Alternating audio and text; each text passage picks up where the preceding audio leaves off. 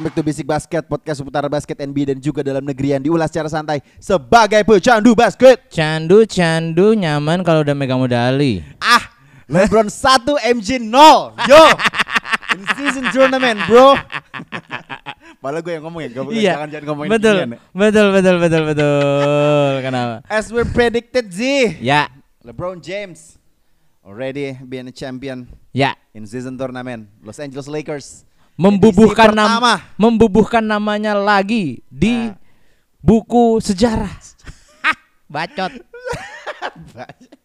Oke, Bisik Basket episode kesekian Gue lupa berapa Seperti biasa di weekend kali ini Yoi. Sebelum menyambut kita eh, keluar malam mingguan ya Zi ya Kita senantiasa Sebenarnya sih gue menungguin bini gue pulang jalan sama keluarganya ya Sorry agak personal Oke seperti biasa dipandu sama gue di Masyoda Eke Dim Sudah Ya. tadi Udah ada Ramzi Alam Eke Duzi Eke Komeng Eke Remja Eke Jontor Jiger Jiger Jiger Boom, boom, boom. Wak wak wow Zi Yo, yo, yo. Apa? Gimana gamenya? Apaan? Final uh, in season tournament As predicted lah. Kayak ya udahlah. Ya. Kayak it's it's way too easy gitu. Way too, enggak, way too easy kalau menurut gua bisa dinasbikan ke game semifinalnya Lakers. ya, yang itu kayak way, kemarin too bilang di easy. episode sebelumnya Ya. gua kayak ngelihatnya ya udahlah. yang gua Ya. di kuarter ketiga tuh udah gua matiin karena Ya. gua tau udah pasti menang Lakers. Udah jelas itu. banget jauh. Tapi maksud gua kalau misalnya di game ini gua akuin sih apa ya Tyrese kayak melempem aja gitu loh. Nggak nggak nggak bisa mem- memberikan semuanya yang dia punya Yap, gitu loh. Yap, yap. Sayang banget sebenarnya cuman kayak ya udah ya memang ya namanya orang tua masa purna bakti butuh duit kan, butuh dana pensiun ya kan.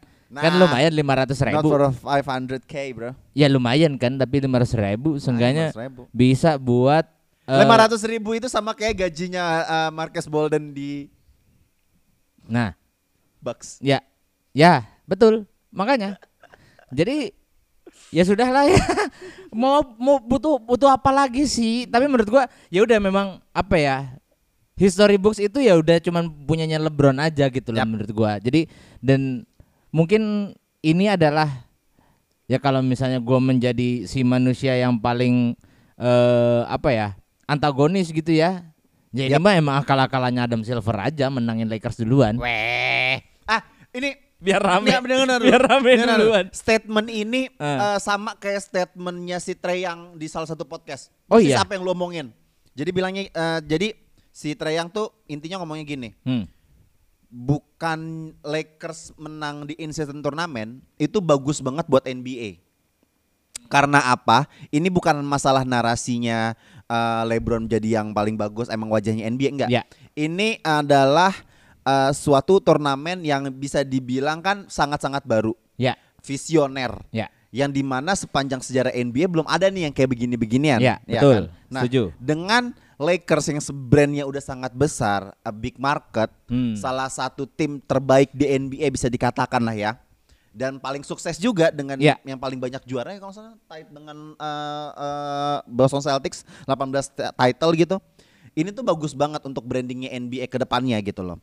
Bahwa eh, NBA nggak cuman hanya punya ya sepanjang regular season yang monoton dari tiap tahunnya, Ya. tapi dengan ada satu gebrakan ada turnamennya setidaknya dengan Lakers yang juara bahwa oh ini eh, di musim pertama bisa menjual gitu. Iya. Yang di mana ya mungkin musim selanjutnya nanti di in-season turnamen yang nanti mungkin akan diadakan lagi jadinya udah nggak nggak terlalu basi banget lah ibaratnya Iya. kayak gitu. Ya ya statementnya Treyang sih seperti itu ya. Jadi ya di samping bahwa ya Lakers yang menang ya ini untuk brandingnya NBA in worldwide sebenarnya bagus banget Di, iya, dengan di, konsepnya ini. di samping NBA yang apa ya? Maksudnya kita kan semua pasti skeptis kan. Bahkan Hmm. even semua olahraga yang ada in season turnamennya gitu Hmm. ya. Kayak misalnya eh Liga Inggris sepak bola dengan FA Cup-nya gitu loh. Pasti eh notaben si FA Cup ini jadi nggak nggak seprestis itu gitu loh. Gue yakin pasti awal-awal semua orang pasti punya pemikiran seperti itu dan Ya. akhirnya beneran kejawab dan menurut gua gue sampai detik ini bahkan sebenarnya even even Lakers yang juara gitu loh gue masih melihat ya udah in season turnamen tuh kayak dalam tanda kutip mininya gitu loh belum karena eh sebenarnya yang gue menarik juga adalah kalau misalnya juara di in season turnamen itu udah mendapatkan satu spot di playoff Wacananya musim depan seperti itu. Nah, itu sebenarnya mungkin tapi kalau misalnya di- Tapi itu itu jaga jadi eh lu lanjut lu opini lu nah, boleh. kalau silakan. kalau gue justru menganggapnya jangan ja- langsung playoff, tapi dia udah eh, guarantee ke play in Oh, oh. gitu. Hmm. Jadi menurut gua play innya ini yang harusnya di eh, apa ya? Karena kan si in season turnamen ini kan juga nggak sampai akhir musim juga ya. Dan menurut gua sayang aja gitu kalau misalnya dia langsung dapat spot di playoff gitu loh. Dan Ya. ibaratnya eh, sisa masing jadi dari conference itu berarti ada lima nanti Ya. yang jua apa yang yang memperebutkan itu dan nanti sistemnya pasti akan jadi jadi makin amburadul makin pusing kan kayak gitu. Kalau menurut gue, gue nggak nggak setuju dengan konsep yang seperti itu. Hmm. Ya di samping yang mungkin untuk menaikkan value dari si turnamennya, eh, ya mungkin harapannya kan seperti itu kan untuk naikin value turnamennya bahwa nggak cuma hanya dapetin 500 ribu dolar aja nih tiap Ya. pemainnya gitu loh. Tapi ya mungkin maksudnya adalah biar lu kalau misalnya menang ini, lu bisa Ada, ada di ah. play on eh, play playoff loh gitu loh. Hmm. Tapi buat gua harus dipisahkan bahwa ya cup cup liga-liga gitu loh. Ngerti nggak? Hmm. Ya mungkin kalau misalnya kembali dengan seperti konsep sepak bola ini kan karena bener-bener kayak ngaplikasiin konsep sepak bola banget ya. Kayak tadi udah lu bilang bahwa Liga Inggris kalau misalnya juara FA Cup itu ada garansi kalau nggak salah di Europa League atau apa gitu kalau nggak salah. Ya kan? Sempet Hmm, Gua ada lu- dulu tuh kayak gitu, oke, dulu, tuh kayak iya, gitu. iya, Jadi kalau misalnya lu juara FA Cup lu bakal dapat tiket ke eh, Europa League. Ya, Nah, itu kan konsepnya persis banget kan. Iya, Kayak betul. kayak misalnya in turnamen ini kalau misalnya juara dapat eh, di playoff gitu. Kalau menurut gua harus dipisahkan. Turnamen ya turnamen, liga ya liga. Karena menurut gua nggak applicable buat di NBA. Maksudnya Hmm. Oke. gini, perjuangan lu masuk playoff itu kan 82 game ya. di NBA gitu, Dan lu regular season. ngambil shortcutnya itu di in season turnamen yang gitu di mana maksudnya. in season turnamen itu hanya berjalan dari Oktober sampai Desember. Ya. Yang di mana tuh cuman short tiga bulan. Yes. Nah, proses playoff itu kan sampai nanti lu di bulan Maret atau April. ya, Iya kan? ya. Nah, menurut gua proses panjangnya itu tuh Nggak yang yang ini. bikin nilai value-nya playoff tuh benar-benar harus harus se se struggle itu gitu. loh. Iya. Jadi kalau misalnya lu hanya dapat garansi playoff hanya dari juara satu turnamen yang selama tiga bulan doang, ya lu dari sebulan sampai apa dari Januari sampai nanti Maret ya lu nggak ada ya lu main biasa aja orang gua udah di playoff kok. Atau nanti mungkin feeling gue nih Adam Silver akan membuat satu kompetisi lagi di mana namanya itu community eh ko, ya community shield community shieldan lah ibaratnya. Jadi juara NBA yang dia bilang world champion itu akan bertemu dengan juara in season turnamen. Yang gak ada yang tahu kan? Pada intinya adalah nggak semuanya bisa lu terapin. Betul, betul memang iya. Mm-mm. Oke. Eh, but, btw wacananya juga di musim ini untuk All Star balik lagi ke East West ya. Iya.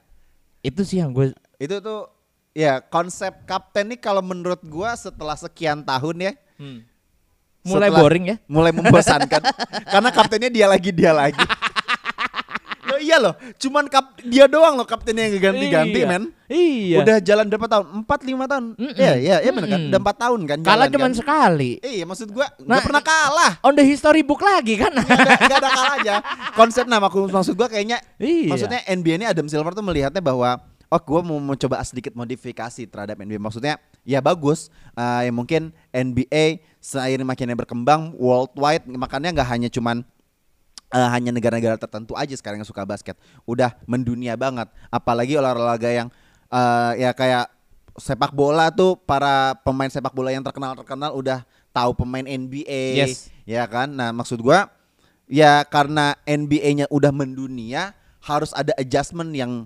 dilakukan oleh NBA itu untuk nih liga tuh menarik gitu Hmm. loh. Tapi ya gue suka juga nih NBA ini udah mulai masuk merambah ke Indonesia. Ha-ha. Jadi eh, baru banget nih konten yang tadi pagi gue lihat itu NBA at, in, at NBA Indonesia shoutout buat at NBA Indonesia. Yes sir. Dia tuh eh, ini ngu- ngundang si Rich Brian ketemu sama Paul George Oh, itu LA cuy. Clippers, LA iya, Clippers ya, LA Clippers. Tapi Clippers ya. kenapa harus Clippers ya? gitu loh. Kayak kalau mau eh, atau mungkin memang pasarnya Indonesia kurang besar jadi belum bisa ke big market yang kayak Lakers gitu maksudnya apa gimana Eh sih? Clippers tuh ya lumayan ah, sih. Lumayan loh. Ya lumayan paling sih. Ya apa itu salary cap? Ini habis kita lihat ya. Tapi ya shout out lah maksudnya. Iya. Eh, ya itu programnya NBA Indonesia ya. Iya. Gue kira kayak out of nowhere aja Rich Brian tiba-tiba main di ada lagi nongkrong di Staples Center gitu. ya kayak Iya. lalu sokap gitu. Keren juga sih, keren iya, keren. keren, iya keren, bagus, bagus. Keren. Cuman Tapi balik lagi ke investasi turnamen gimana? Hmm. ya Lakers.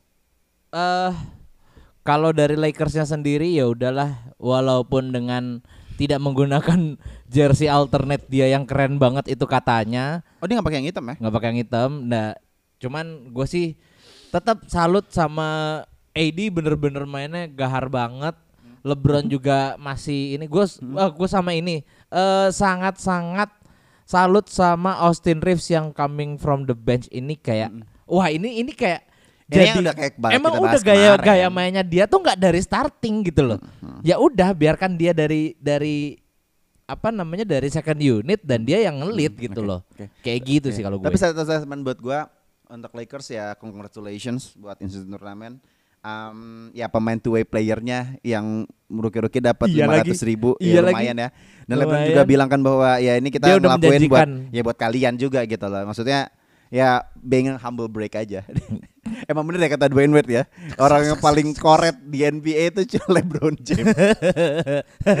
ya tapi ya kita tahu lah maksudnya lah ya maksudnya Iya. ya ya ya ya Lakers juara dan eh, terakhir gue bilang sebelum kita ganti ke segmen selanjutnya eh, Gav Vincent is a scam oke Ya, eh tapi kayaknya gue mau ngebahas eh, si NBA in season competition ini lebih dalam dulu sih Oke, sebelum sebelum apa? kita Coba, pindah lu ke ada eh, ada lu ada thoughts apa Ji tentang in season turnamen ini eh mohon maaf lapangannya diganti ya. ah itu kan udah ada komen wah itu Iya. lu kalau dilihat di Twitter tuh lebih gila banget gue nggak mau nonton NBA kalau misalnya lapangan masih kayak gitu sumpah tolong Iya, banget ya tolong Nggak, banget. maksud gue gini lu tahu kandangnya um, Boston Celtics TD Garden Yes. dia kan patternnya beda sendiri ya Iya, iya, iya. lapangannya beda sendiri Iya, ya? betul.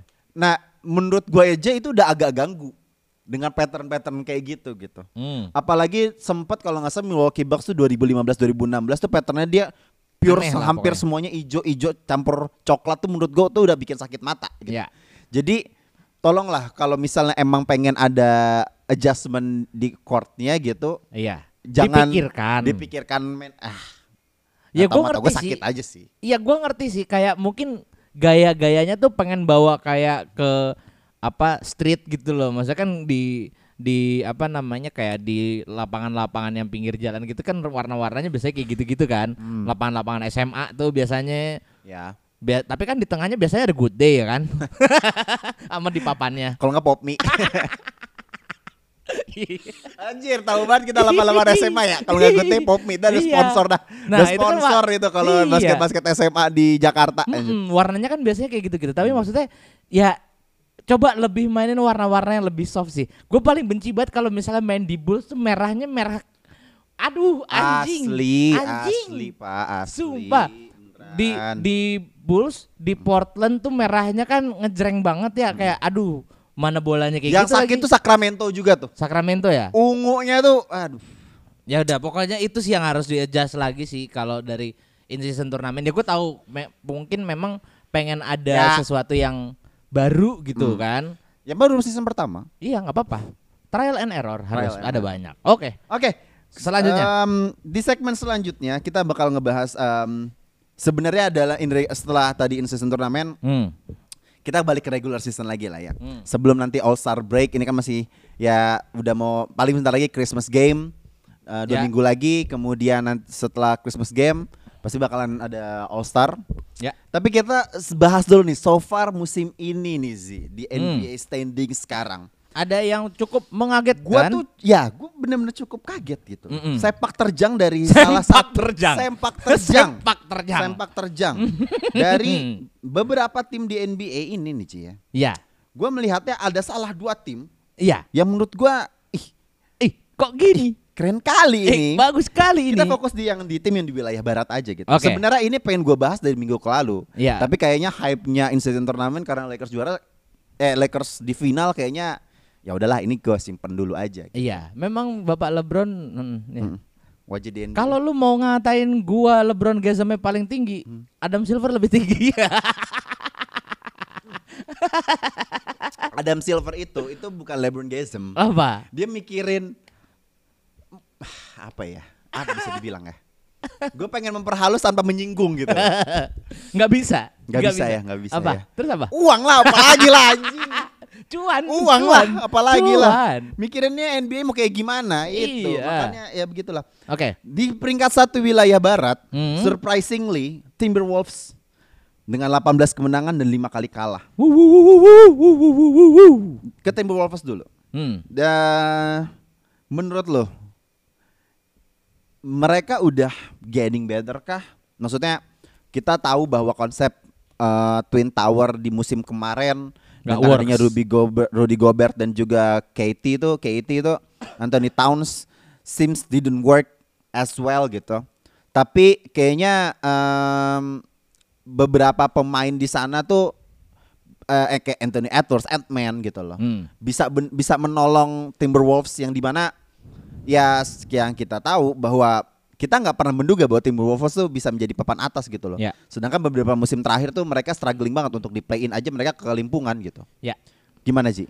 Kalau Apa nih resep-resep rahasianya dari Timberwolves sekarang nih bisa di peringkat satu untuk saat ini ya dari 23 pertandingan mereka di regular season gitu. Res- resep rahasianya adalah ngecengin eh, pemain dari brand lain yang ada di franchise lain. Hah? Kan Anthony Edwards ngecengin siapa nih yang bakal pakai sepatu lu yang lu pengen gitu kan katanya KD tapi kayak KD lagi di Nike. Cah gitu. I will never wearing those ugly shoes. Eh, ugly shoes apa apa dia bilang? Ya, pokoknya. pokoknya gitu dah malah mocking anjing. Ya, setelah Ya, itu ya please lah ya, on, beda brand lah bro. Iya, janganlah senggol-senggol Iya. ya kan. Tapi maksud gua Anthony Edwards ini bener-bener gua ngeliat bener-bener dia eh, improving banget dan yang gue suka banget ya Twin Towernya ini adalah mereka udah tahu porsinya masing-masing. Oke, gua udah fokus di defense lu sono. Gitu loh. Jadi kalau tahun kemarin tuh kayak masih ini ini jatah gua apa jatah lu? Ini jatah lu apa jatah gue Ya. gitu loh. Jadi mereka berdua seolah-olah terlihatnya saling menyalahkan dan menurut gua musim ini tuh mereka udah kayak oke, here's the deal. Gua yang offense, lu yang defense. Udah, biarkan kalau misalnya dari wing ada Anthony Edwards, ada siapa lagi? Ada gua nggak mau bilang Nasrid ya, ada tapi ada Shake Milton, ada Kyle Anderson. Uh-uh. Menurut gua ada Jaden McDaniels juga dan menurut gue ini tim yang menurut gua mm, kelasnya mediocre cuma mereka tahu porsinya mereka masing-masing gitu hmm, loh. hmm, Sebenarnya nggak ada yang ya Anthony Edwards pun juga menurut gua nggak nggak bahkan masih belum di levelnya Jimmy Butler gitu loh yang menurut gua mediocre But kelas atas dog, gitu loh. bro. Iya, He's a tapi dia bener-bener eh, apa ya? Worth lah ibaratnya dan dia bener-bener gue suka banget Hmm. gaya mainnya dia tengil-tengilnya tuh juga nggak nggak yang tengil ngehe gimana gitu loh ngerti gak sih tengil tapi lu tahu gitu loh emang lu bisa gitu loh ngerti kan Iya. gitu sih kalau menurut gua kalau dari lu sendiri gimana Ah, buat gua satu hal gue pengen ngomong dulu buat Mas Anthony Edwards. Mas Anthony Edwards, Anda kan kaya. Tolonglah jangan beli perhiasan KW. tapi katanya dia kan nggak mau Iya, ngeluarin duit banyak Tapi nggak gitu juga konsepnya. Ayolah, lu kan kaya gitu loh. Ya. Gitu maksud gue jangan jangan chip chip amat lah. Ya. Ya, ya, itu bercanda itu bercanda. Maksud tapi gimana? Maksud gue gini. ya Em, Rudy Gobert kayaknya setelah dicekek dan Draymond Green. aduh masalahnya sama dia lagi berarti ntar kan abis dicekek Draymond Green ya iya kan Ya, ya, ya. berarti abis dicekek Draymond Green dia jadi bagus gitu Ya. Berarti abis ini Phoenix Suns yang bagus dong.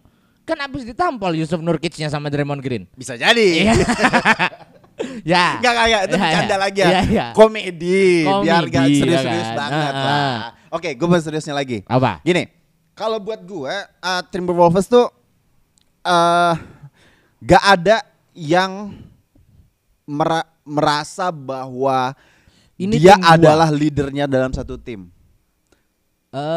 Eh, Gini, gue mau gua bilang, jelasin, gua gua mau dulu. bilang enggak karena menurut gua kalau Anthony Towns sebenarnya cukup ngelit gitu ya. No, iya dia udah cukup ngelit Ah. dari sekian tahun.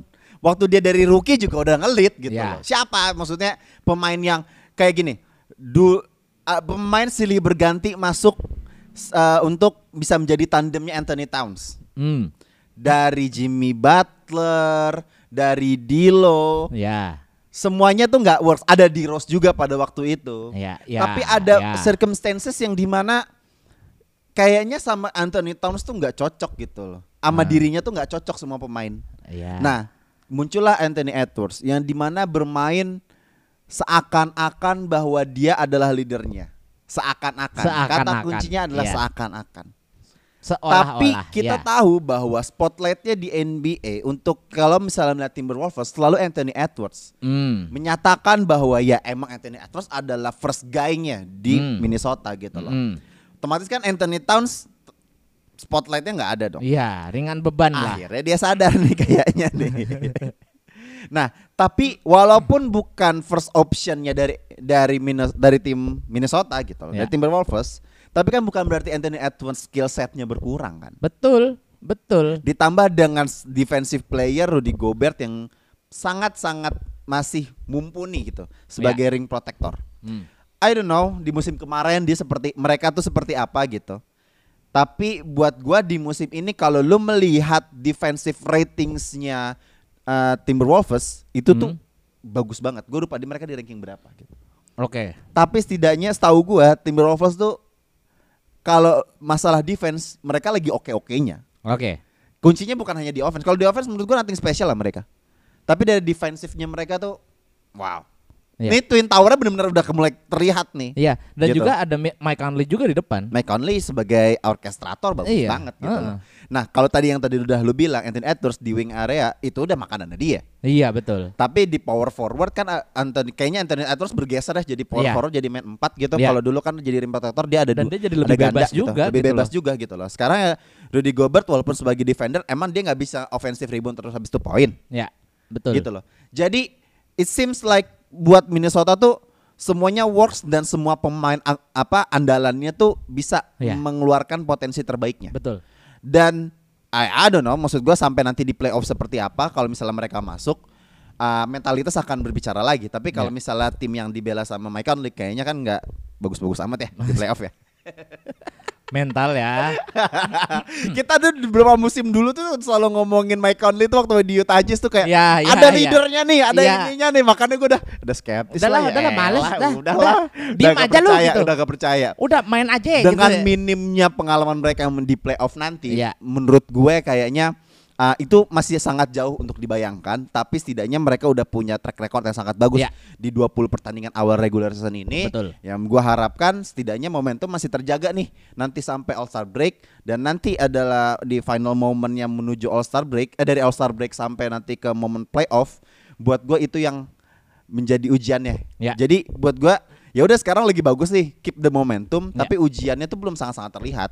Hmm. Jadi tetap kasih kredit buat Minnesota, tapi gue masih belum sepenuhnya yakin bahwa mereka bermain bagus. Defensifnya oke, tapi kan gak hanya butuh defensif doang untuk bisa bertahan di NBA dan apalagi bisa bertahan dan contending di playoff nanti gitu. Yes betul. Kalau dari gue, gue agak-agak eh, apa ya menarik banget sama kata-kata lu di awal barusan gitu.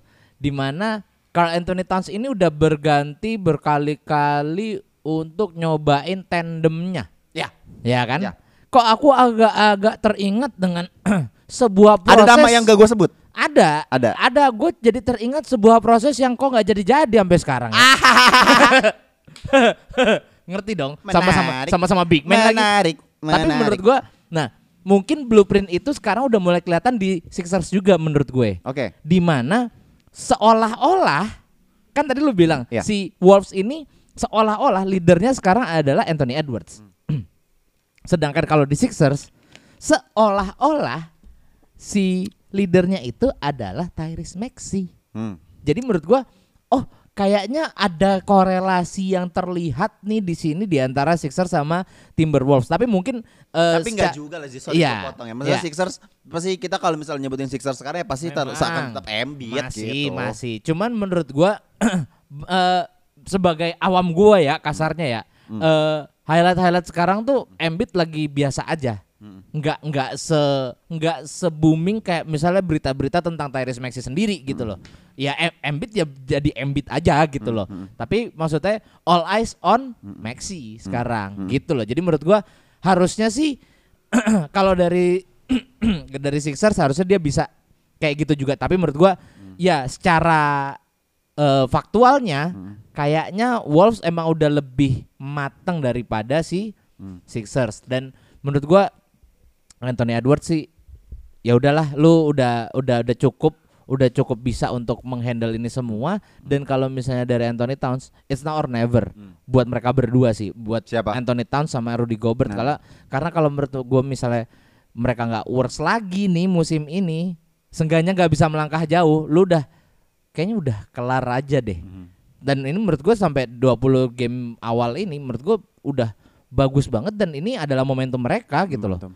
gitu Ya, kalau misalnya lu tadi bilang bahwa lebih matang, ya kalau menurut gua matangan Sixers gitu. ya sebenarnya Kalau as a experience as a whole eh apa ya, as a whole team gitu ya. Hmm. Walaupun emang Sixers em, bisa dikatakan bongkar pasang terus ya di uh, in the past two years, buat gua em, Sixers masih tetap lebih matang dengan core-nya adalah Joel Embiid. Kalau misalnya tadi udah lu sampaikan bahwa Tyrese Maxey mungkin lebih bisa dibilang sebagai first option ataupun wajah yang barunya, ya menurut gua benar tapi ya tadi gue bilang bahwa Sixers kan ak- akan selalu Joel Embiid gitu loh. Ya. Tapi kalau secara matang kalau menurut gua masih tetap matangan Sixers. Enggak, the matangnya di sini maksud gua adalah racikannya tuh udah lebih pas gitu loh. Hmm. Bukan bukan matang secara experience. Kalau menurut gua kalau seca- matang secara experience si Sixers emang jauh Ah, lebih ya, lebih lebih setuju, ya, ya. Tapi racikannya ini udah lebih pas aja nih kalau Timberwolves sampai men lu bisa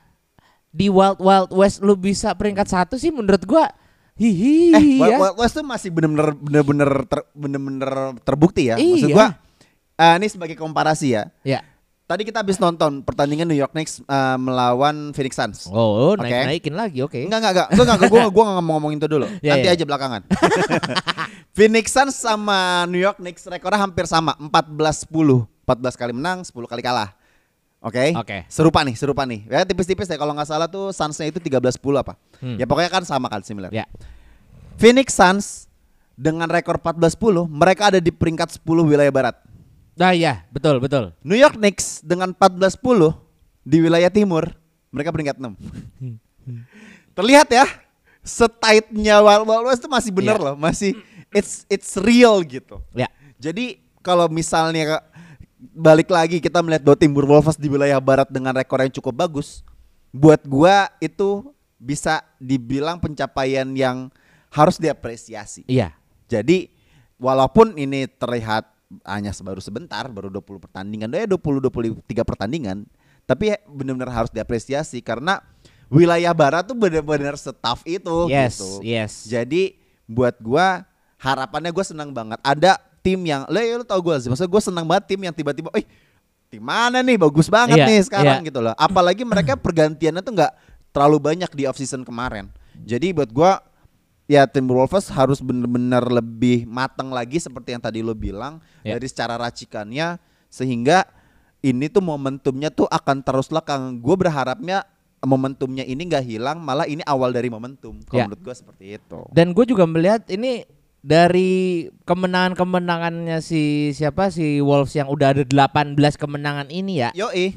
Jadi gue kirain tuh masih tim lawan yang ece-ece literally ece-ece semua, tapi Iya. memang memang belum ketemu Lakers sih. Cia gitu. tapi seenggaknya Gue nggak boleh naikin tim gue. enggak, tapi seenggaknya men, mereka udah Ah. pernah menang melawan New York Knicks. Ya. Mereka udah pernah menang Boy. melawan Boston. Boston Celtics. Mereka udah pernah menang melawan Denver. Ya. Men menurut gua ya oke sih, tapi memang eh, ke depannya mereka bakal lebih tough lagi karena ya mereka belum ketemu, ketemu Dallas pernah sekali dan mereka menang. Menurut gua eh, akan Oh banyak. tim yang habis ngalahin Lakers beberapa hari yang lalu itu ya? Iya. Mm-mm. Betul. ya, oke. Iya terima kalah kasih. kan Lakers kan Iya, kemarin betul, kan? Betul. heeh. Dan pokoknya intinya si Wolves ini ya lumayan lah ya. Maksud gua nggak nggak bukan bukan tim ece-ece mulu yang dia dia lawan terus dia menang gitu loh Berarti intinya. valid gitu. Valid. Mereka emang lagi bagus banget Mm-mm, gitu. Gua kirain bel- belum karena karena belum ketemu sama yang bangor-bangornya aja gitu Iya, loh. mm. Ibaratnya tapi ya ternyata memang sudah gitu loh. Ini yang akan, akan seru bakal ketemu Sixers sih. Hmm. Em, k- tadi kalau udah lu sampaikan bahwa Minnesota tuh udah matang banget gitu ya. Hmm. Maksudnya dapat momentum, oke. Ya. Matang, ya udah gitu loh. Itu untuk Minnesota. But ada lagi OKC Thunder. Hihihi. Hihi. Ini Pering- lebih di peringkat tiga wilayah barat. ini gitu. lebih ngagetin lagi. Ini sih. lebih ngagetin gitu. Iya. 15 menang, 8 kali kalah. Hmm. Gapnya game behind-nya 3 sama Minnesota. Jadi buat gua apa? Mereka bisa menang lawan em, Warriors, Oh, Warriors sudah nggak gue hitung lah. menang lawan Lakers. Oh, mereka back to back loh ngalahin ini loh. Ngalahin Thunder, eh, ngalahin Warriors loh. Ah, Warriors sudah kagak gue hitung, udah sumpah. Ngalahin Suns. Ngalahin Suns ya. Mhm, mhm, Tapi kan memang Suns kan memang bermasalah. Ya, terus ya. Ngalahin Bucks. Da- ngalahin 124 101 di Oktober. ngalahin Dallas Eh tapi itu juga. preseason jadi di, it didn't count. Ya, ngalahin Dallas juga di Desember 3 kemarin 126 120 dan Ah. menurut gua ini Gimana? Ini racikan mu- muda-muda nih. Ini harusnya Kohiril nih ngomong ya. nih. iya ya dia langsung langsung dinaik-naikin lagi. Oke deh, oke Holmgren nanti lah ya kan. kita bisa kontak. Nah. Oke lanjut. Eh Oke sih ya. Oke sih. Charlton Green, Ludorts, SGA, they're going bad, bro. They went bad. They Jujur- went bad. Jujur salah satu tim yang agak lepas dari radar gue ini adalah OKC ya. Ya. Dan salah satu pemain yang lepas dari radar gue juga adalah Chet Holmgren. Cuman waktu itu gue tuh sampai bertanya-tanya sendiri gitu. Gue bingung kan. Kayak di eh, Lu lepas dari radar tuh sejak dia di posternya sama Wembanyama ya? enggak juga. Oh, enggak. Pokoknya emang emang lepas dari radar aja. Oke. Nah, cuman pernah waktu itu pas bulan kemarin apa minggu kemarin ya gue lupa. Hmm. Eh gue ngeliat ada salah satu postingan gitu. Eh odds untuk rookie of the year. Hmm. I thought gua kira itu akan ada Victor Wembanyama Peringkat satu. peringkat satunya, tapi ternyata dia peringkat dua. Peringkat satunya Chet Holmgren. Ya kan kalau misalnya eh rookie leader di NBA kan selalu dua kuda ini aja kan. Iya. Dua kuda pacu ini aja ibaratnya Ya, gitu. Betul. Cuman maksud gua kan tapi memang dia kan bukan rookie year-nya juga sebenarnya. Mm-mm. Kan mereka dia di sideline ya. Ya. Tapi maksud gua Ya ya ya, I see Ya, your point. Walaupun gitu, walaupun eh, apa ya, dengan dia udah pernah di sideline satu tahun gitu loh. Hmm. Tapi dengan kondisinya dia sekarang, dia yang bisa lebih baik daripada Wemby. Menurut gua berarti dia emang lebih all round daripada Wemby. Coba bayangin kalau musim kemarin dia main. Nah, Rukinya bukan Paulo Boncero, Bos. iya makanya. Tapi seenggaknya kan dia emang pengen nge nge-stage apa ngambil dari Wembanyama aja biar nggak dapat rookie of the year aja. Oke. Ya, dan menurut gua eh shout out bu- juga buat para pemainnya OKC yang menurut gua mereka mainnya sekarang udah bener-bener lebih apa ya? Mungkin masih 20 game masih balik lagi mungkin masih 20 game dan masih banyak mem- harus memperlihatkan bukti-bukti bahwa mereka bisa konsisten. Pokoknya dari OKC menurut gua udah saatnya untuk ya udah lu have fun dulu aja. Play with your natural game, biarkan lu berkembang. Gua nggak akan berharap apa-apa kalau mereka misalnya nanti pun masuk play in atau playoff, gua nggak akan berharap apa-apa karena menurut gua ini belum saatnya lu untuk eh, menunjukkan sesuatu. Lu harus berkembang dulu aja. Karena buat buat sampai di sana di tempat tertinggi lah dengan kasta tertinggi yang lu bilang world champ ini lu belum saatnya. Me- Balik lagi menurut gua masih masih masih banyak lobang, masih banyak celah dan lu masih minim experience. Jadi menurut gua udah lu berkembang dulu aja dan ini adalah salah satu langkah yang tepat gitu loh. Bagus sebenarnya. Oke. Um, but I beg to differ. I mean gini, uh, jadi gini maksud gue Ji. Hmm. Um, jangan artikan ki- kita mungkin nge-framing oke sih oh ya tim tanking gara-gara Presti sampai banyak banget ya kan picknya kan Ya, ya, ya, kita ya. selalu di tiap musim kayaknya ah ya udah oke sih tanking oke sih tanking oke sih lagi rebuild rebuild but no kalau menurut gua enggak menurut gua adalah ini udah ibaratnya ada fase rebuilding ada fase development ada fase tri- eh, R&D abis itu fase yang saat ngejar juara Ya. dari empat fase tersebut menurut gua eh OKC itu udah di fase 2 menuju 3. Hmm. Udah dari development dan saatnya untuk eh, R&D eh apa, develop dari sisi R&D ke development yang di mana mereka udah harus saatnya mulai berkompetisi menghadapi tim-tim yang lebih besar. Oke. Maksud gua dalam artian mereka tuh harus sudah lebih berani dan lebih ban lebih gimana ya bahasanya ya? Lebih banyak eh eh memberikan oh, no, no, no, gua koreksi. Leb- mindsetnya mereka tuh harus udah lebih diganti. Ya. Mindsetnya mereka tuh harus kita harus ada di playoff. Targetnya mereka sekarang udah playoff. Udah bukan tanking lagi, udah bukan rebuild lagi, tapi kita harus ada di playoff. At least Karena- contending lah ya, contending lah. ya. Contendingnya tapi tapi contendingnya di playoff karena musim kemarin kan mereka eh kalau nggak salah eh ngerebut untuk play in spot ya. Ya. Kalau nggak salah mereka di 9 atau di 10 gue lupa. Oke. Jadi mereka tuh sekarang udah harus ada di playoff kalau menurut gua. Dengan modal yang tadi udah ada Chelt Holmgren, uh, Lou Dors, uh, Josh Giddy, cabul. Ya. Dan juga ada SGA. Ya. Menurut gua modal mereka tuh udah ada dan mereka pemain-pemainnya tuh bener-bener udah udah valid, udah udah bener-bener hustle banget gitu loh. Dan lu ada satu orang yang lu lupa, Davis Bertans. Davis. Pemain termahal kedua ya. Ya. Ah, tapi gitu. Poin gua adalah mereka tuh udah di fase untuk bisa uh, contending nggak hanya menjadi juara, bukan menjadi juara ya tentunya ya. Untuk menjadi juara modalnya akan lebih besar lagi gitu. Ya, lu Tapi butuh satu setidaknya- satu pemain senior dulu lah tuh kalau lu mau juara. Menurut sih. gua SGA on the making untuk menjadi pemain senior. Dalam Hmm. artian SGA tuh udah all star kaliber ibaratnya kayak ya kalau lu melihat patternnya beberapa pemain NBA kan eh, tim-tim di NBA kan pasti at least setidaknya lu punya satu all star. ya. Atlanta dengan Trae Young-nya, kemudian Indiana Pacers dengan ada Halliburton-nya, Bucks dengan Giannis. Bucks dengan Giannis dan juga ada Dame. Ya. Ya, itu kan kalau misal udah ada dua All Star setidaknya modal mereka untuk jadi contending tim untuk mengincar champion kan setidaknya akan lebih lebih dekat gitu loh. Ya. Tapi setidaknya untuk posisinya OKC sendiri, mereka tuh harus ada yang ibaratnya kayak playoff tuh udah jadi target minimal kita. Bare minimum kita tuh playoff.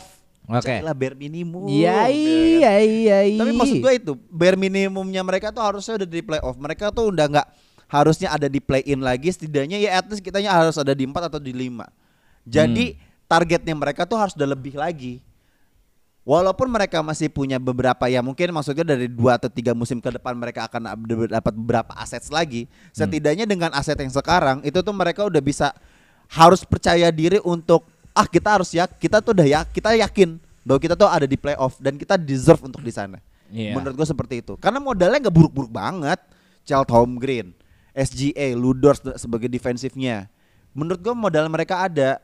Jadi kalau misalnya kalian semua para pendengar bisik basket menganggap oke saya tim rebuild atau tim tanking menurut gue udah enggak nyet. Udah enggak. Asik. Udah enggak nyet Udah gitu. enggak nyet. Dan kan. eh gue setuju juga sih. Lagi pula juga di Western juga menurut gue ada beberapa tim yang mulai menuju ke rebuild. Salah satunya adalah Warriors juga. Jadi maksud gue kayaknya mereka udah mulai ngendor nih Warriors. Jadi menurut gue ini adalah momentumnya dari OKC untuk lu bisa naik ke atas lagi gitu loh.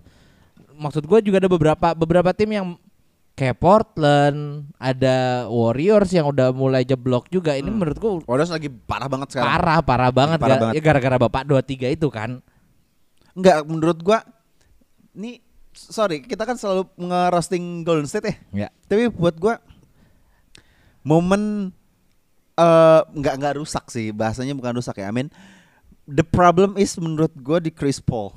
Chris Paul didn't works with the system. Ngerti gak sih? iya ngerti yang dia Iya. malah ngerusak ya Menurut gua bu- nggak ngerusak, nggak nggak works aja sama sistemnya. iya Kalau buat gue ya. jadi ini Bermain dengan point guard dan ada shooting guard se- se- sekelas Steph Curry itu nggak works kalau menurut gua. iya Hmm, Gua gak melihat gua kan berapa kali kan nonton Warriors ya maksudnya Ya. dalam artian uh, beberapa tim yang beberapa bulan ini beberapa tim yang pengen gua tonton tuh uh, ketemunya Warriors gitu. Ya. Jadi gua melihatnya bahwa Oh, ada satu sistem yang diterapkan oleh Steve Kerr tuh yang Pak Kami kita lihat bahwa bermain, small ball, bermain bermain passing-passingnya tuh enak gitu ya di Hmm. beberapa musim kayak ya, yang beberapa musim terakhir.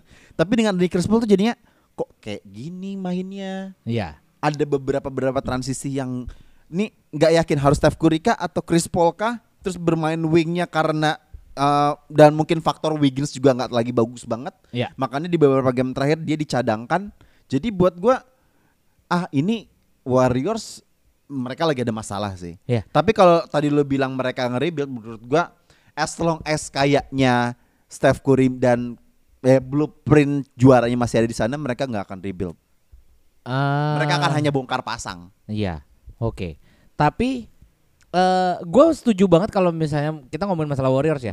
Warriorsnya emang lagi ada masalah. Gue sangat masalah. setuju karena ada satu play di mana di clutch Mm-mm, eh, Warriors membutuhkan three mm-mm, dan dia tidak memasang mm-mm, Clay Mm-mm. dan Wiggins, hanya memasang Curry. mm.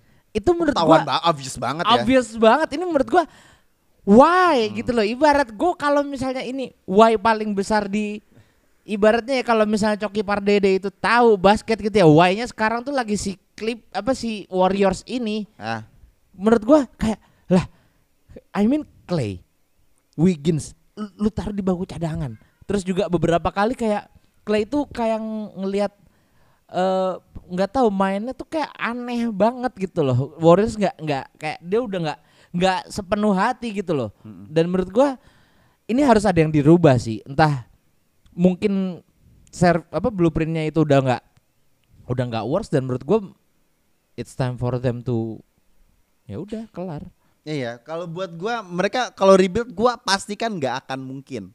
Gak akan mungkin terlalu Wah itu fansnya Warriors bakal mencak-mencak kalau mereka dibubarin blueprintnya itu loh. Tapi menurut gua akan bongkar pasang aja sih. Tapi nggak- menurut nggak gua tuh yakin. karena Chris, Chris Paul sih. Chris Paul man. With all due respect dia is one of the best point point guard. Point guard dia. Ya kan? Iya. Tapi kalau dia nggak works dengan sistem tim salah satu tim ya mau dibilang point guard juga nggak akan bisa gitu. Menurut gua Chris Paul. Because Chris Paul. Ter- terlepas dari uh, Sims Sims off-nya Clay Thompson dan uh, Wiggins. Wiggins ya. Iya. Menurut gua itu. Nggak nggak asik lu, lu nonton Warriors tuh nggak bener-bener passing-passing pokoknya gaya berofen apa offensive play-nya tuh nggak asik kayak dulu gitu. Dan udah udah nggak asik, nggak nggak nggak poin juga. Poin ya, nggak menang aja, nggak menang. ya. Kita nggak kita nggak melihat bahwa Warriors menakutkan dulu Ya, dengan betul, dengan, betul. dengan dengan dengan menul apa field goal field goal da- di luar parameter tuh kita nggak melihat sep- dulu seperti itu gitu. Iya. Jadi buat gua uh, there's something wrong with uh, Golden State Warriors dan gua nggak accuse accuse lagi kayak accuse tuh Ya. kayak jahat banget itu ya. Chris Paul sih. Buat gua. Ya, Put blame-nya ke Chris Paul berarti ya. blame Chris Paul. Iya. Oke. Jadi kalau kalau misalnya kayak Thompson dan Wiggins punya problem, buat gue ya memang mereka ada prob, mereka selalu ada problem. Maksud gue Wiggins itu kan kadang bagus banget, kadang moncer banget, kadang aduh kok bisa dia dia all star level kok begini gitu. Iya. loh. Kadang gitu. Inkonsistensinya terlalu Iya. apa ya? Ha-ha. Kayak terlalu Iya. Beda jauh Iya. banget gitu loh. Iya. Timpang banget. Kalau Clay Thompson menurut gua serupa tapi kita tahu masalahnya bahwa ya dia setelah injurinya dia tuh emang untuk kembali seperti yang dulu memang agak sangat sulit gitu Ya. loh. Jadi gua udah mengecilkan ekspektasi gua terhadap Clay Thompson walaupun dia tetap baru main bagus, Ya. bagus banget. Cuman pas di saat dia bisa bermain buruk, oh ya udah emang dia ada problem terhadap injurinya yang mungkin masih ya traumatic injury itu kan susah banget ya untuk dihilangkan ya. Iya, Bapak juga merasakan sendiri bukan? Betul, makanya Ha. buat gue pribadi, gue udah mengecilkan ekspektasi gue terhadap Clay Thompson Iya. yang mungkin udah nggak se-eksplosif dulu yang bisa 37 poin dalam satu quarter, Ya. bisa 60 poin gitu loh. Ya. Ah, tapi waktu Clay Thompson 60 poin itu bolanya dia dapat nggak bola in game ya? Ya. Apa dikejar juga? cekakak. Kok or- orang namanya juga orang Indonesia ya demennya keributan aja. Yang dicari keributan. Kita butuh keributan dan, Iya. dan semuanya keributan semua berita di NBA Iya, akhir-akhir ini. Iya, Draymond Green lah. Ah, sudahlah. Jadi poin gue itu, maksud Mm. gua pada intinya adalah eh, Warriors harus ada harus ada koreksi atau ada muhasabah diri. Ya, ya, ya, ya, ya, ya, baik, Jadi baik, buat gua ya itulah, maksud gua em, mereka eh maksudnya campaign mereka kema- di musim kemarin eh, sampai Western Conference semifinal ya menurut gua nggak buruk-buruk banget. Ya Hmm. memang mereka bisa menjadi eh, contending tim gitu ya. Masih tetap jadi tim yang menakutkan. Jadi buat gua pribadi eh, ya karena standarnya mereka tinggi, jadi buat gua mereka bisa ada di papan bawah saat ini tuh menurut gua ya is a disaster gitu. Ya Ya, udah, ya disaster memang. banget sih. Maksudnya kayak is a warning sign aja Iya. gitu. Iya, dan makanya karena masalah-masalah ini yang membuat gua Oke ini kayaknya dari tim-tim yang kemarin-kemarin kita bilang udah tanking-tanking segala macam ini adalah saatnya mereka kayak balik lagi ke OKC sama ke Timberwolves gitu loh. Menurut gua ini udah saatnya lu untuk ayo lu harus step up nih mumpung ada yang lagi jeblok-jeblok juga gitu loh. Pun Spurs dengan dengan Kalau segala Spurs amin ya udah lah ya. Ya, memang memang mereka lagi lagi ibaratnya tuh lagi cari apa ya namanya ya? Lagi cari takaran yang pas gitu loh. Karena sebenarnya secara apa namanya ya? Secara eh asetnya juga udah udah cukup sebenarnya, cuman memang belum saatnya mereka untuk bisa ke sana gitu loh. Ya, I mean OKC aja butuh 3 sampai 4 tahun lah kayak kayak gitu-gitu aja sampai di posisi sekarang gitu loh. Menurut gua ya udah lu udah udah cukup lah kalau Spurs menurut gua dan makanya OKC ini emang dapat banget nih momentumnya sekarang. Kayak gitu sih. Oke. Oke. Mm-mm. So, itu Apa? aja untuk Oke. uh, main topiknya. Kita masuk ke preview seperti biasa. Oke, boleh. Uh, preview ini kita membahas uh, ujung barat dan ujung timur. Mm-mm. Ya. Timur ke Tim besar market timur dan tim besar market barat. Nah, Ya, boleh. di hari Sab Minggu ah, kita mungkin pas episode ini naik gamenya sedang berjalan seperti biasa ya. Hmm. Kita tebak-tebak untung-untungan saja. Di hari Minggu ada LA Clippers melawan New York Knicks. New York Knicks lagi on the road game ya. Jadi mereka lagi tadi la- lawan Suns. Ya, langsung dinaik-naikin. Hari Minggu Heeh. ketemu Clippers dan Clippers kalau nggak salah track mereka lagi bagus. Mereka Ya. lagi 5 atau 6 kemenangan beruntun deh. Ya. Bentar, Clippers itu 6. Oh iya, 6 tak? kemenangan Oke, enam beruntun. pertandingan beruntun.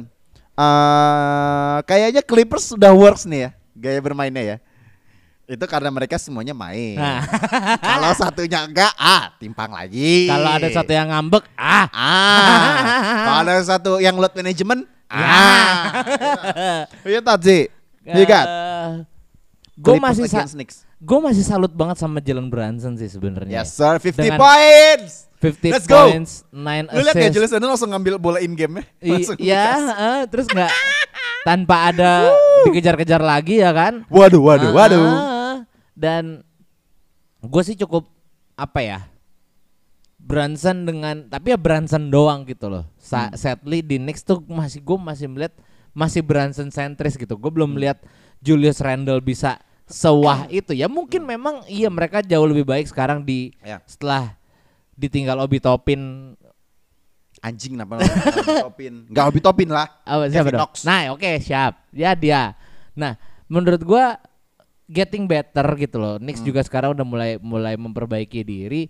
Cuman kayaknya eh perbaikan diri dari Clippers ini jadi lebih besar ya. Ya. Maksudnya Ya. Masif banget gitu loh impactnya Yep. dan Ya empat All Star player, I mean come on Ramzi Alam. iya cuman maksud gua kan Ini tuh Enggak, empat gini. empat All Star player nih duanya MVP, satunya two time champion, satunya lagi abang-abang jago nembak abis ketemu Rich Brian aja udah. ya eh makanya sebenarnya kalau Ya. gue sih kayaknya masih ke Clippers sih Hmm. karena nggak belum belum belum kelihatan lah to say that Ramzi nggak mungkin nggak mungkin gue cukup gue nggak cukup mental untuk bilang Knicks akan menang memenangkan game ini nggak nggak cukup mental cuk Lu lupa manusia yang bernama Julius Randle. Lu lupa yang nama manusia ada namanya Josh Hart lu lupa.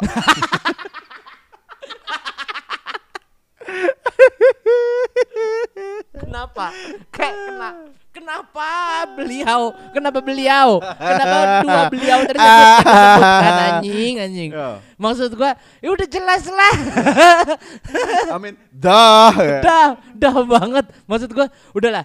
Eh, Clippers all the way dan menurut gua mereka udah nemuin Ah. proporsi main mereka yang lebih cocok lagi karena Russell Westbrook juga udah merelakan posisinya dia dari cadangan menurut gua udah cukup sih menurut gua Ya. Clippers all the way Even gua adalah fans New York Knicks gitu ya. But buat gua sisi realistis lu merongrong dong iya iya Ah, iya iya ya, gua gua fans Knicks gitu loh. But I love basketball more than than anything gitu. Maksud Iya, gua iya, iya. maksud gua gua punya tim pujaan tapi ya gua senang basket gitu. Jadi eh, apa namanya realistis gua terhadap basket tuh lebih di atas segalanya, ngerti gak? Jadi buat gue ya obviously Clippers dengan track yang lagi bagus banget, momentum mereka enam pertandingan beruntun nggak pernah kalah. Ya. Dan mereka bermain di Staples Center juga.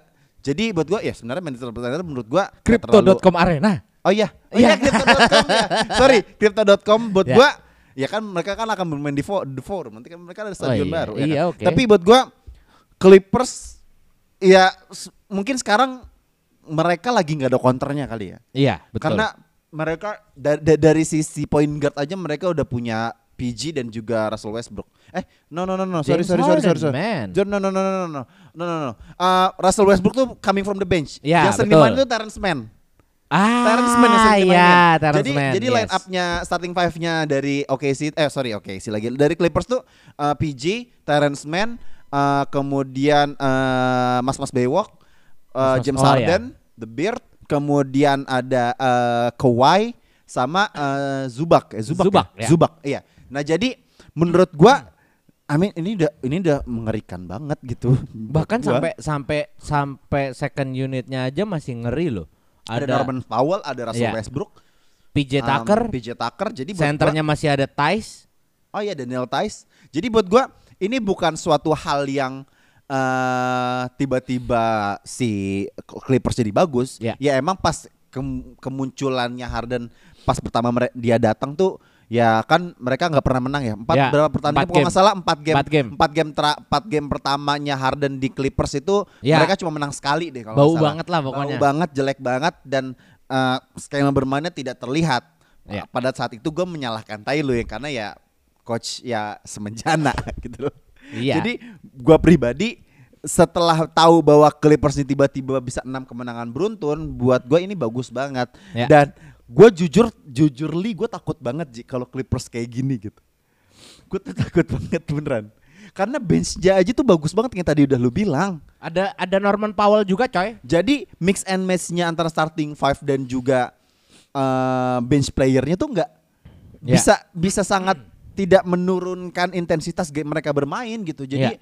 jadi ini tinggal pinter-pinternya Tai Lu aja bisa ya lu membuktikan lah bahwa lu sebenarnya pelatih yang bener-bener bisa membawa karena asetnya udah bagus banget gitu. Ya, kalau misalnya nggak sekarang sih menurut gua emang kesalahannya di Tailu. Hmm. Iya. Intinya gitu. Iya, udah Kalau pokoknya di Tai Lu. misalnya- Ini lu udah empat empat All Star ada di sedang dan satu All Star tuh dicadangin gitu. Iya, iya. Jadi iya, lu kalau misalnya nggak nggak nggak nggak bisa Aku aku ini gua revisi lagi. Satu MVP kau cadangkan. Ah. Heeh. satu MVP lu cadangin. Satunya lagi apa former MVP dan salah satu scoring scoring kalau nggak salah tuh si Wes Harden pernah jadi scoring champion gak ya? Gue lupa deh. Tapi Iya. dia benar-benar little shooter banget Iya. gitu loh.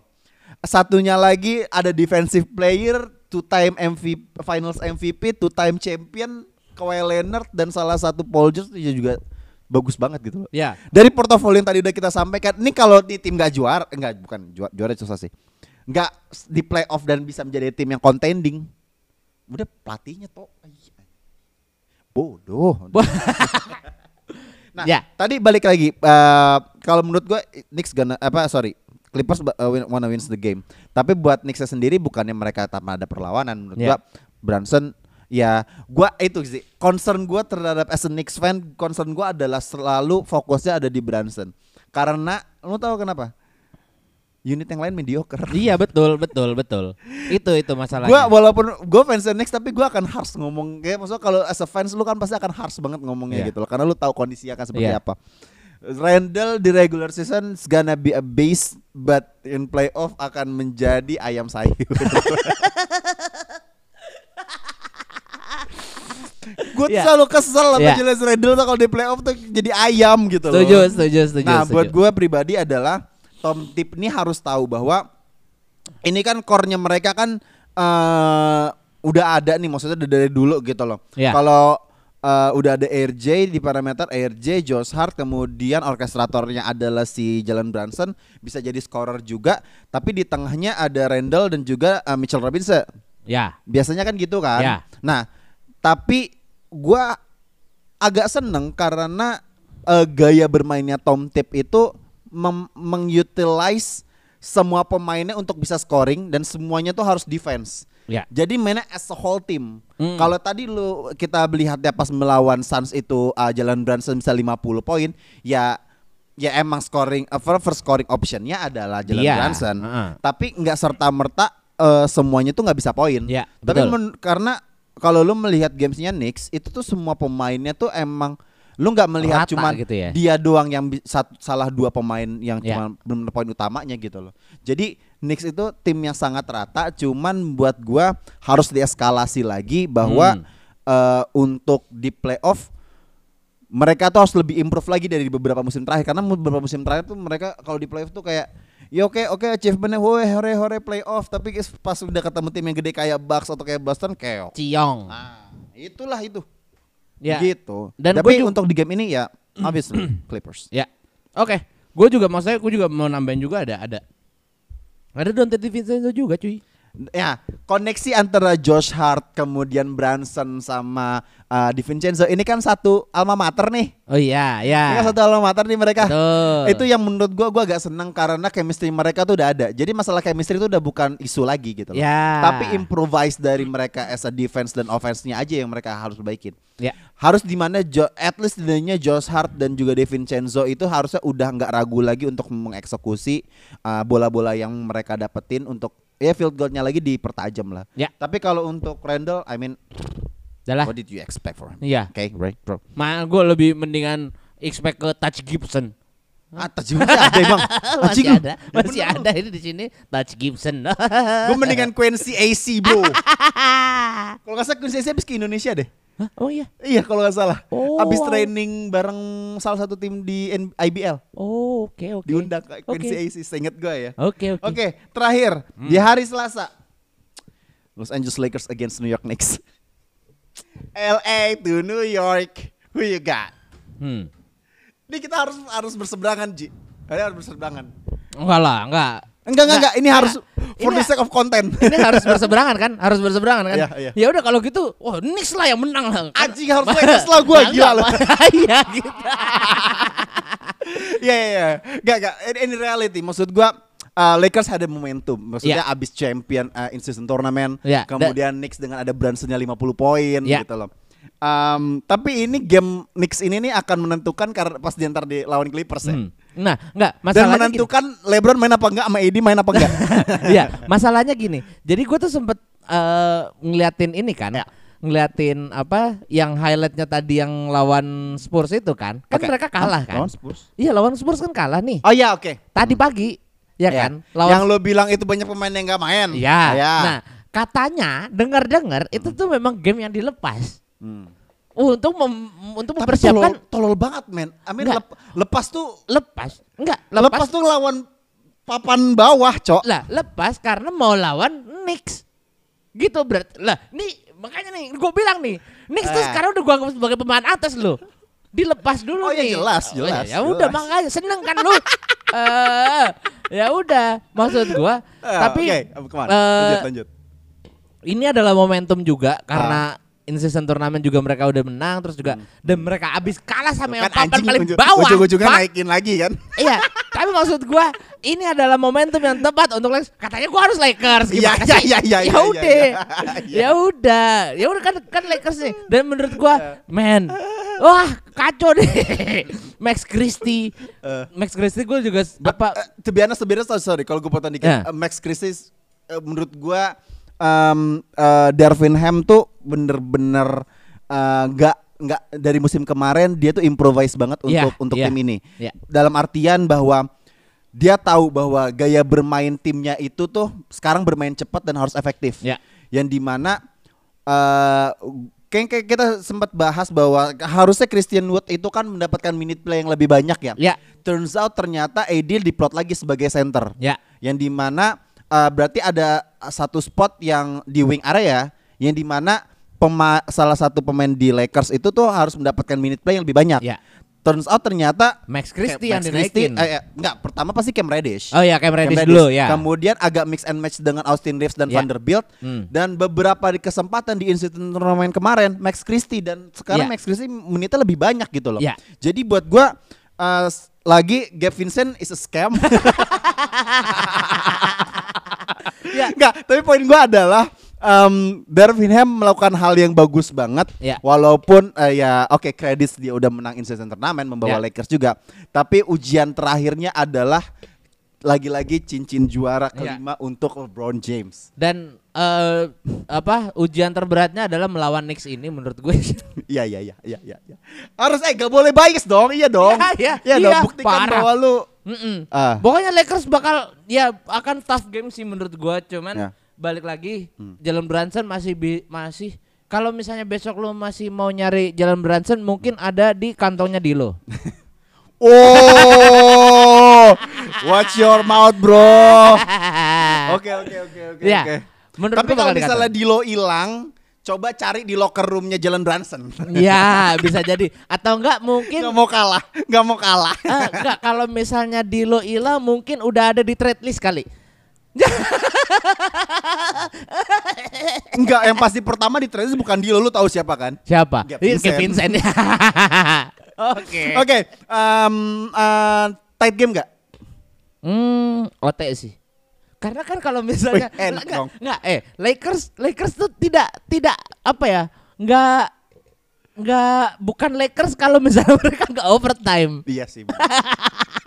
Ita, itu sebenarnya overtime itu tuh menunjuk eh, itu itu pengen menguji mental-mental pemain-pemain bench playernya. Iya, sama menunjukkan longevity kan.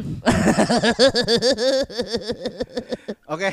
eh, udah mau maghrib, udah mau malam mingguan set night. Ah, sekian aja episode dari kali ini dari Bisik Basket. ya, Gue Dimsu. gua Ramzi. Signing out. Bye bye.